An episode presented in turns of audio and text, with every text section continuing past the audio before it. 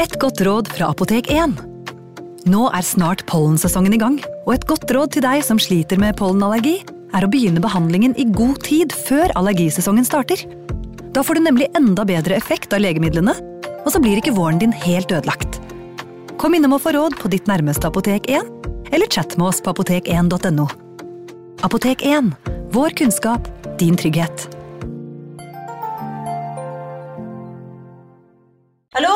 Jeg kommer fra Oslo politikammer. Ine Jansen er purk. Er du purk? The motherfucking bitch. Alt jeg vil, er å finne ut hva som skjedde med mannen min. Jon Carew. Er jeg sikta for noe? Iben Akeli. Det er du. Ole So, Lars Berrum og Big Daddy Karsten. Hvem sin side er du på, egentlig? Anette Hoff, Tone Danielsen, Kommer du fra Afrika? Jørnis Josef, Nesten kløfta. Trond Espen Seim, Det er synd å si det, men det var feil mann som døde. Purk. Premiere tirsdag på TV2 Play. Hei! Takk for at du lytter til True Crime Podden dokumentar. Skulle du ønske at du kunne høre en ny episode av denne podkasten hver eneste uke? Vel, da er det bare å laste ned podkastappen Untold med en gang. I tillegg til ukentlige episoder av podkaster som Skrekkpodden, Synderne og True Crime Podden, får du masse annet reklamefritt og eksklusivt innhold. Last ned Untold i AppStore eller Google Play, og start din 30 dagers prøveperiode i dag. you.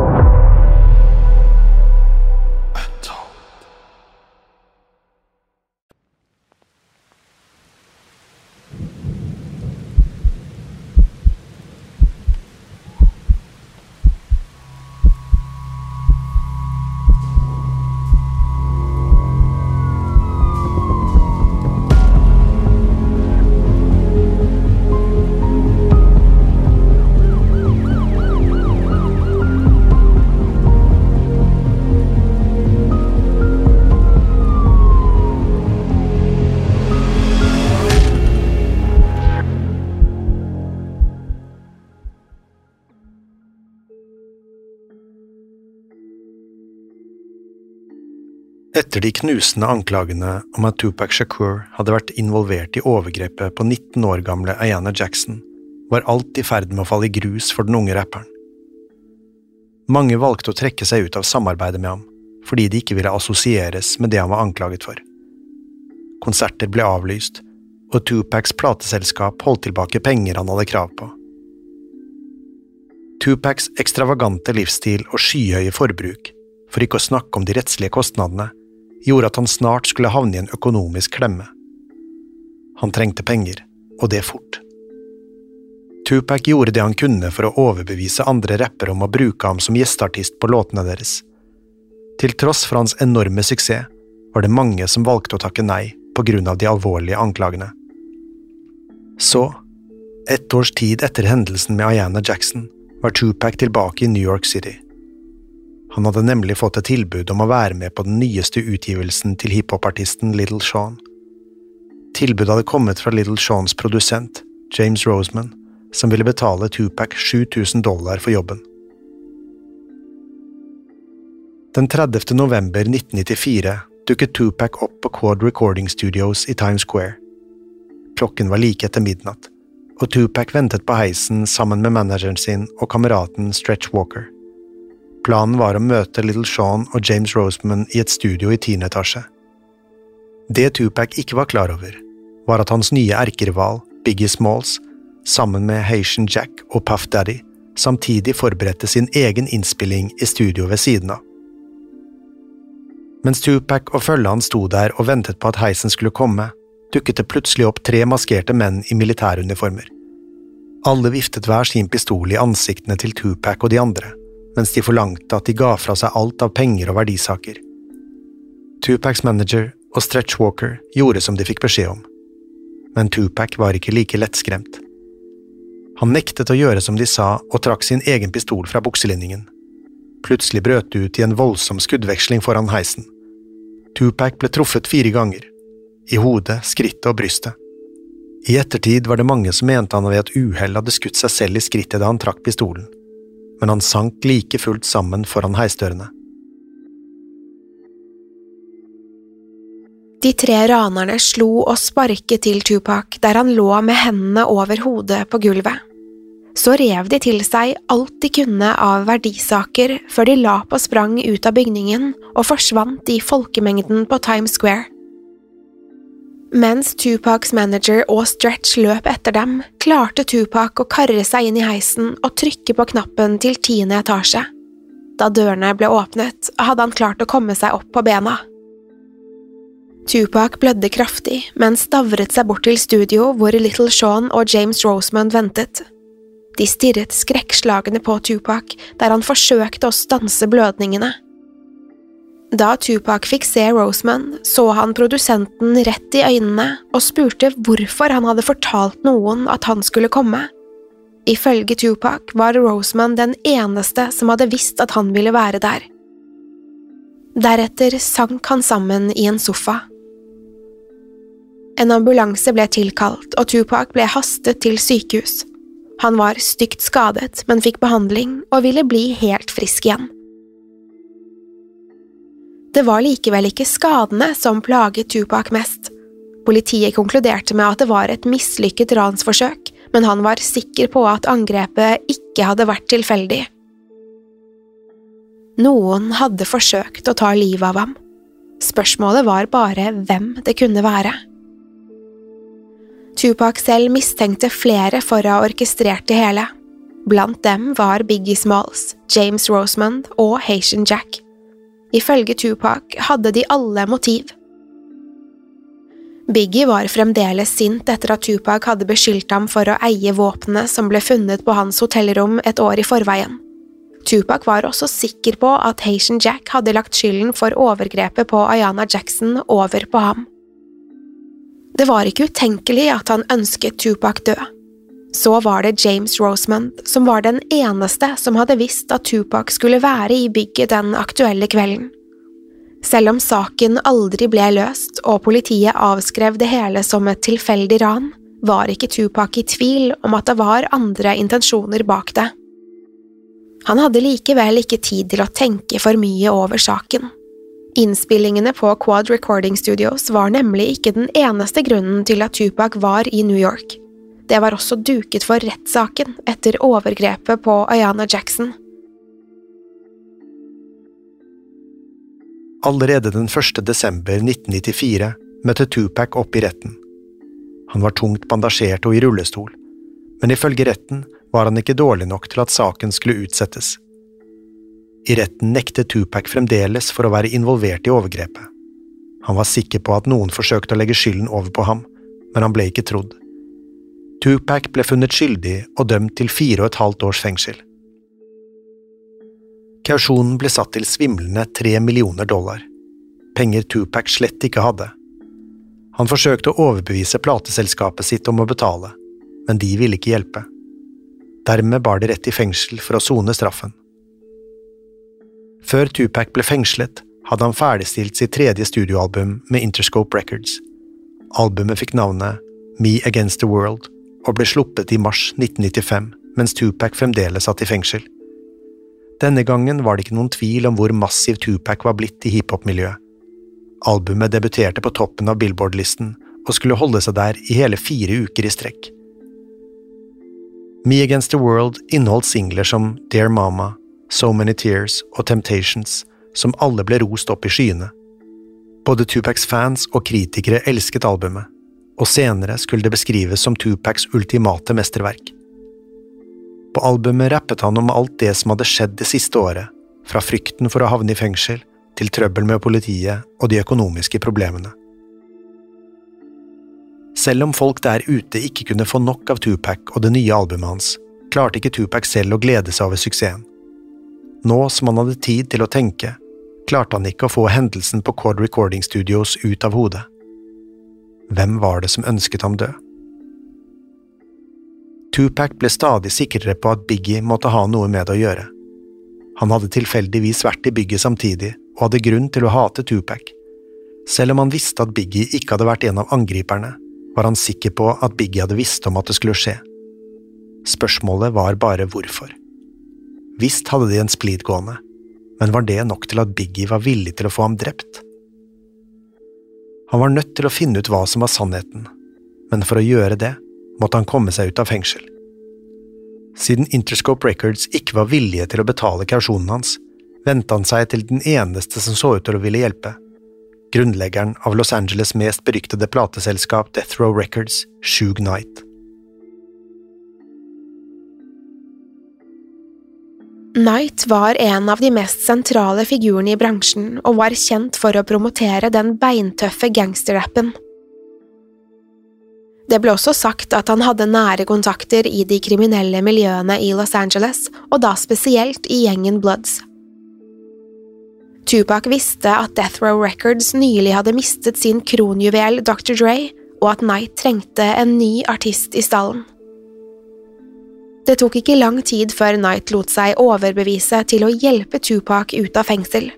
Death Row Records skulle betale 1,4 millioner dollar for at Tupac skulle gå fri frem til ankesaken startet. Tupacs frihet skulle likevel komme til en pris. For at Knight skulle betale kausjonen, var Tupac nødt til å signere en platekontrakt med Death Row Records. Selv om plateselskapet var et av de største i bransjen, sto det ikke akkurat for det budskapet Tupac ville fremme i musikken sin. Likevel var han blitt så desperat etter å slippe ut av fengsel at han signerte på flekken. Tupac var en fri mann og returnerte straks til California for å begynne produksjonen av sitt første album med Death Row Records, All Eyes On Me.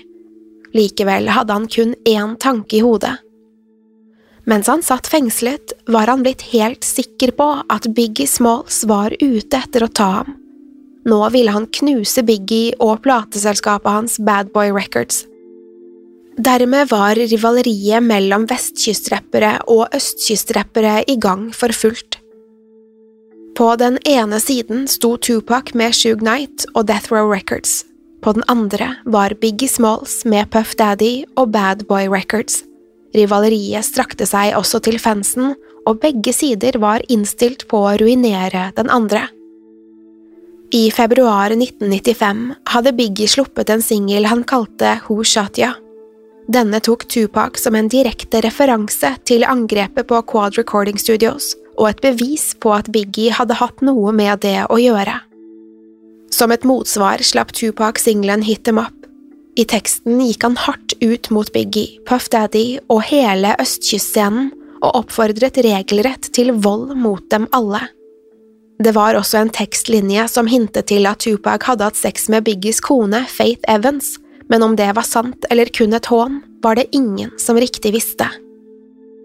Plutselig var ikke lenger Tupacs tekster like fokusert på å helbrede verden slik de hadde vært tidligere. Han skrev ikke lenger om problemer som opptok det afroamerikanske miljøet. I stedet handlet tekstene om hat, vold og hevn. Det var tydelig at frykten for at noen var ute etter å ta ham, hadde gått innpå ham. Selv om Tupacs budskap hadde endret seg drastisk, hindret ikke det hans nyeste album, All Eyes On Me, fra å bli en braksuksess. Death Row Records dro inn enorme summer på platesalget, men det var ett problem.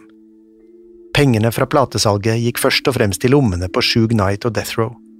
Tupac hadde vært så innstilt på å slippe ut av fengsel at han hadde godtatt en kontrakt som slett ikke gagnet ham selv. Til tross for dette var Tupac sikker på at pengene ville komme etter hvert. Derfor gikk han til innkjøp av dyre luksusbiler, klær og smykker i påvente av pengene. Der skulle det vise seg at Tupac hadde blitt lurt. Pengene kom aldri, og plutselig var han nødt til å ta opp lån fra Death Row Records for å holde hodet over vann. Selv om Tupac begynte å tvile på Shug Knights intensjoner, fortsatte han å produsere musikk for Death Row. I august 1996 begynte produksjonen av det som skulle bli Tupacs aller siste album, The Don Kilominati, The Seven Day Theory. Denne gangen hadde Tupac valgt å gi ut albumet under sitt nye artistnavn, Machiavelli. Det var til ære for den italienske forfatteren og filosofen Niccolo Machiavelli. Tupac hadde lest Machiavellis verker i fengsel og blitt inspirert. Nå vil han hedre renessanseforfatteren med sitt nye artistnavn. Til tross for at Tupacs musikk nå først og fremst omfavnet gangsterrappens stil og budskap, hadde han ikke glemt arven han hadde etter moren, Afeni. Hun hadde alltid villet at Tupac skulle bli en forkjemper for de svake og stå opp for de som trengte det mest. Mens rivaleriet mellom Death Row og Bad Boy stormet, gjorde Tupac det han kunne for samfunnet. Han jobbet aktivt for å bedre livene til barn og unge i California, og støttet organisasjoner som hjalp de som hadde falt utenfor. På den samme tiden ble han også kjent med en kvinne han forelsket seg i. Hun het Kidada Jones og var datter av den berømte produsenten Quincy Jones. De innledet et forhold og begynte å planlegge en fremtid sammen. Mye så ut til å ordne seg for Tupac mot midten av 1996. Han gjorde viktig arbeid for lokalsamfunnet, og forholdet til Kidada vokste seg sterkere for hver dag som gikk. Likevel kunne ikke Tupac la være å tenke at noe ikke var som det skulle. Han var fremdeles redd for at noen ønsket ham død. Derfor fortsatte han å bære våpen hvor enn han gikk, og skal til og med ha gått med skuddsikker vest i offentligheten. Med Shug Knight og Death Row Records tilknytning til gjengmiljøet var Tupac sikker på at det hele fort kunne ende i katastrofe. Mot slutten av august 1996 kontaktet Tupac Knight og ba om å få terminere kontrakten sin med Death Row Records han ville ut av det kriminelle miljøet og starte på nytt. Det ville ikke Knight ha noe av. Tupac skyldte fremdeles millioner av dollar til plateselskapet og fikk ikke terminere kontrakten før han hadde betalt det tilbake. Dermed var Tupac fanget i en verden han ikke ville være en del av. Til slutt skulle Tupac få rett i sine antakelser. Samarbeidet med Death Row skulle ende i tragedie, den 7. september 1996. Den ettermiddagen hadde Tupac ankommet Las Vegas, hvor han skulle feire bursdagen til en god venn og forretningspartner. Den samme kvelden strømmet det store folkemengder inn på MGM Grand Hotel. Der skulle det nemlig avholdes en boksekamp mellom Bruce Seldon og Mike Tyson. Blant tilskuerne var Tupac og Shug Knight. De to musikklegendene satte seg på første rad sammen med bevæpnede livvakter fra den kriminelle gjengen Bloods. Mens de ventet på at kampen skulle starte, skrev Tupac autografer til ivrige fans og lot seg selv avbilde av pressen. Så endelig startet boksekampen.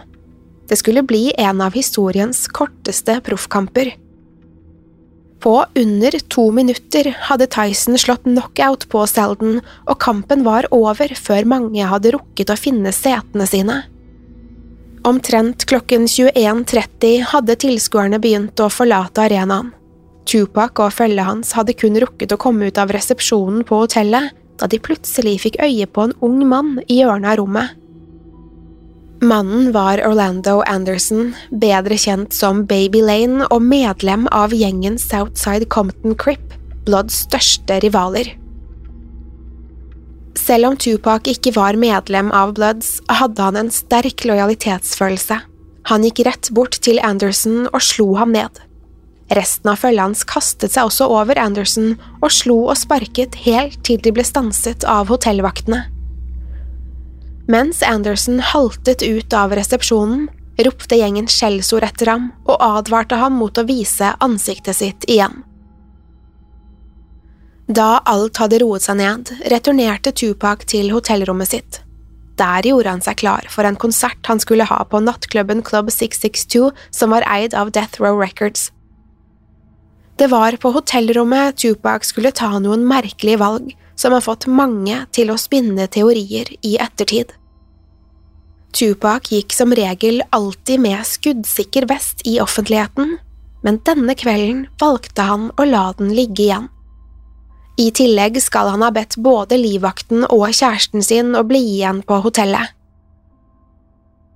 Etter å ha sagt ha det til kjæresten, forsvant han ut hotelldørene og satte seg i Shug Knights ventende svarte BMW sedan. Bilen var en del av en større konvoi fra Death Row Records, og samtlige passasjerer var klare for en natt på byen. På veien ble konvoien stanset av en syklende politibetjent. Ifølge betjenten hadde bilene spilt altfor høy musikk til å kjøre i en så trafikkert gate. Etter å ha snakket litt med betjenten, klarte Knight å snike seg unna en bot, og dermed kunne de fortsette mot Club 662. Omtrent klokken 23.15 hadde konvoien blitt nødt til å stanse på et rødt lys i krysset East Flamingo Road og Covell Lane like utenfor Maxim Hotel. I gatene var det fullt av turister, som alle la merke til rekken med luksusbiler. Rutene var sotet, så de kunne ikke se hvem som satt inni, men de forsto at dette måtte være en kjendis. Mens de sto der og ventet på at lyset skulle bli grønt, bestemte Tupac seg for å blidgjøre turistene. Han rullet ned ruten, lente hodet ut og vinket til ivrige tilhengere. Scenene skapte stort oppstyr, og mange ville få en bit av kjendisrapperen. Dermed var det ingen som la merke til den hvite Cadillacen som rullet opp ved siden av Knights BMW. Plutselig ble vinduet på passasjerdøren til Cadillacen åpnet, og en hånd med en pistol kom til syne. Før noen hadde rukket å reagere, ble den travle gaten fylt av lyden av pistolskudd. 14 skudd ble løsnet fra Cadillacen, og samtlige traff Knights BMW akkurat der Tupac satt og vinket til fansen sin. Det hele var over på bare noen sekunder. Da Cadillacen spant nedover veien og forsvant, var Tupac blitt skutt fire ganger, mens Knight hadde fått et streifskudd mot hodet. Knights sjåfør forsøkte å stikke av i panikk, men kolliderte med fortauskanten etter kun en drøy kilometer. Da politiet ankom åstedet kun minutter senere, fant de Knights bil full av kulehull. Det røk lett fra motoren, og bilen hadde punktert. Betjentene nærmet seg forsiktig med pistolene hevet i tilfelle noen der inne ville dem vondt. Da ingen responderte da de beordret at passasjerene skulle komme ut, gikk en betjent helt bort til bilen. Betjenten åpnet passasjerdøren forsiktig og ble nødt til å slippe alt han hadde i hendene for å fange Tupac i armene sine. Tupac blødde kraftig fra skuddsår i armen, låret og brystet, og betjenten ble tilgriset med blod. Til tross for den alvorlige tilstanden den unge rapperen var i, så han fremdeles ut til å være bevisst. Betjenten ristet litt i ham og spurte kort hvem det var som hadde skutt ham. Da Tupac ikke svarte, spurte han igjen, litt høyere denne gangen. Med raspende pust og øynene på gløtt stirret Tupac opp på betjenten og ba ham dra til helvete så besvimte han. Tupac ble straks hastet til sykehuset, hvor kulene i armen og låret ble fjernet. Et av skuddene mot Tupacs bryst hadde truffet og gjennomboret den høyre lungen hans. For å prøve å stanse de indre blødningene hadde legene blitt nødt til å operere ut lungen, men det hjalp ikke. Tupacs tilstand ble bare verre, og legene hadde ikke noe annet valg enn å legge ham i koma med pustemaskin. Der skulle Tupac bli liggende i seks dager, og ifølge de offisielle rapportene våknet han aldri fra komaen. Den rapporten ble motstridet av Tupacs kjæreste Kidadas vitneuttalelser. Ifølge henne hadde Tupac hatt øyeblikk hvor han var våken. Shug Knight, som også hadde besøkt Tupac på sykehuset, mente til og med at han hadde vært på bedringens vei. Han påsto at de hadde snakket og ledd sammen da han kom på besøk. Til tross for Kidada og Knights påstander skulle Tupac Shakur dø av respirasjonssvikt og hjertestans på sykehuset den 13. september 1996. Han ble kun 25 år gammel. Allerede dagen etter sørget Knight for å få Tupacs kropp kremert. Ifølge noen hadde Tupacs rappgruppe Outlaws rullet deler av asken hans sammen med marihuana og røyket det etter Tupacs ønske. Hiphop-miljøet var i stor sorg etter det som hadde skjedd. De hadde mistet en av de største rapperne i musikkhistorien, og en av sine egne. Spørsmålet var bare hvem som egentlig hadde vært ansvarlig for Tupacs død. Politiet etterforsket saken, men de fleste ønsket ikke å samarbeide for å få drapet oppklart. De som hadde vært der den kvelden, hadde røtter i de kriminelle gjengene og ville ikke ha noe med politiet å gjøre. Til tross for at Tupacs nærmeste ikke var spesielt samarbeidsvillige, hadde politiet flere mulige gjerningsmenn på blokkene. En av de som skulle klandres for Tupacs død, var Orlando Anderson, som Tupac hadde banket opp etter boksekampen. Politiet mente det kunne være et hevndrap, både for rundhjulingen, men også på vegne av Southside Compton Crip mot den rivaliserende gjengen Bloods. En annen politiet så på som en mulig gjerningsmann, var Biggie Smalls. Det var få som trodde Biggie selv hadde skutt Tupac. Likevel var det mange som mente at Biggie hadde lovet Southside Compton Crip-gjengen én million dollar om de tok livet av Tupac for ham. Ifølge noen hadde Biggie satt som betingelse at drapet skulle skje med hans pistol.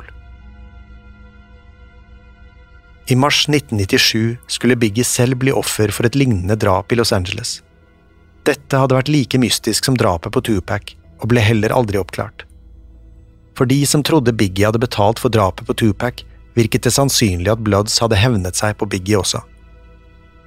Det var også de som trodde at det var Shug Knight selv som hadde beordret drapet på Tupac. Den unge rapperen hadde et ønske om å forlate Death Row Records, men om han døde før kontrakten gikk ut, ville Death Row sitte igjen med rettighetene til musikken så er det de som mener at det er for mye som ikke stemmer i saken om det mystiske drapet.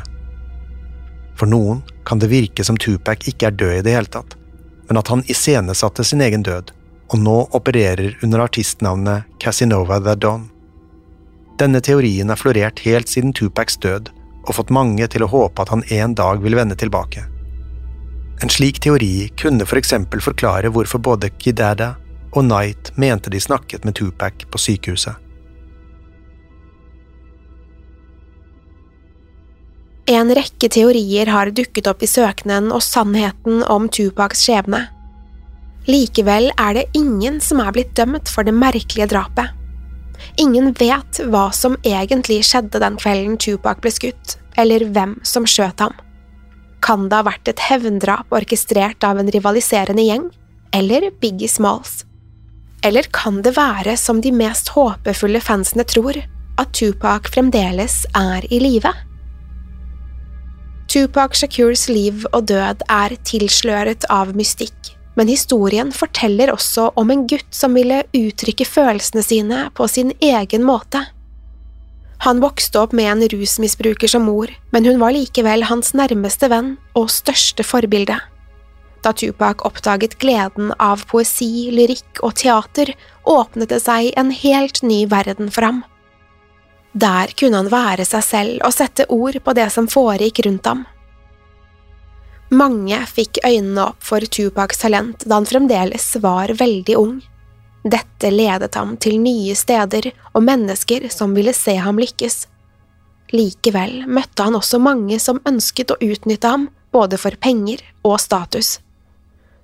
Tupac var aldri redd for å si det han mente om temaer som andre ikke ville ta i med ildtang akkurat det kan ha bidratt til å forsegle skjebnen hans.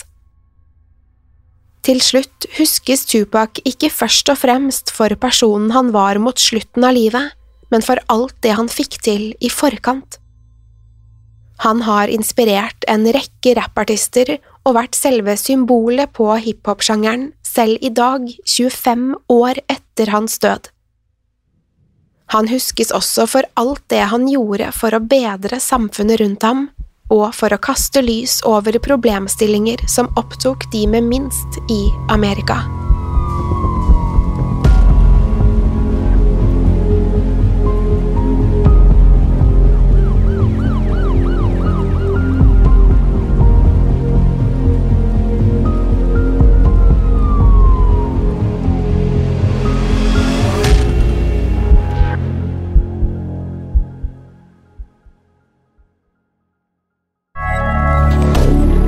Media.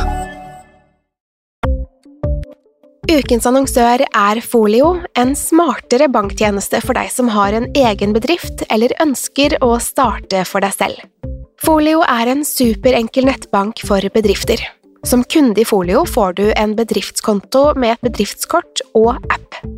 I denne appen er det smarte løsninger som forenkler regnskapet ditt, uansett om du har en liten bedrift eller et enkeltpersonsforetak. Folio er både intuitivt og brukervennlig, og er laget med et enkelt språk. I tillegg tilbyr de forutsigbare priser og ingen skjulte gebyrer. Skulle du likevel trenge det, så kan du snakke med deres raske og hyggelige kundeservice, og der får du prate med en faktisk person og ikke en chatbot. Folio er med andre ord både enklere og koseligere enn banken. Over 10 000 bedrifter har allerede valgt Folio som sin banktjeneste, så besøk folio.no og se hvordan Folio kan forenkle din hverdag også.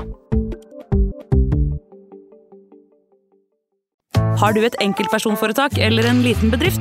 Da er du sikkert lei av å høre meg snakke om hvor enkelt det er med kvitteringer og bilag i fiken, så vi eh, gir oss her, vi. Fordi vi liker enkelt. Fiken superenkelt regnskap. Kiwi er billigst i VGs matbørs og har vært billigst i fire av de fem siste VGs matbørser. Og nå presser vi prisene på frukt og grønnsaker. På 200 gram broccolini setter vi prisen til 24,90. På 400 gram Cevita blåbær setter vi prisen til 49,90. Og husk, alle Kiwi Pluss-kunder får i tillegg 15% trumfbonus på all fersk frukt og grønt. For det er vi som er prispresserne. Og vi i Kiwi gir oss aldri på pris.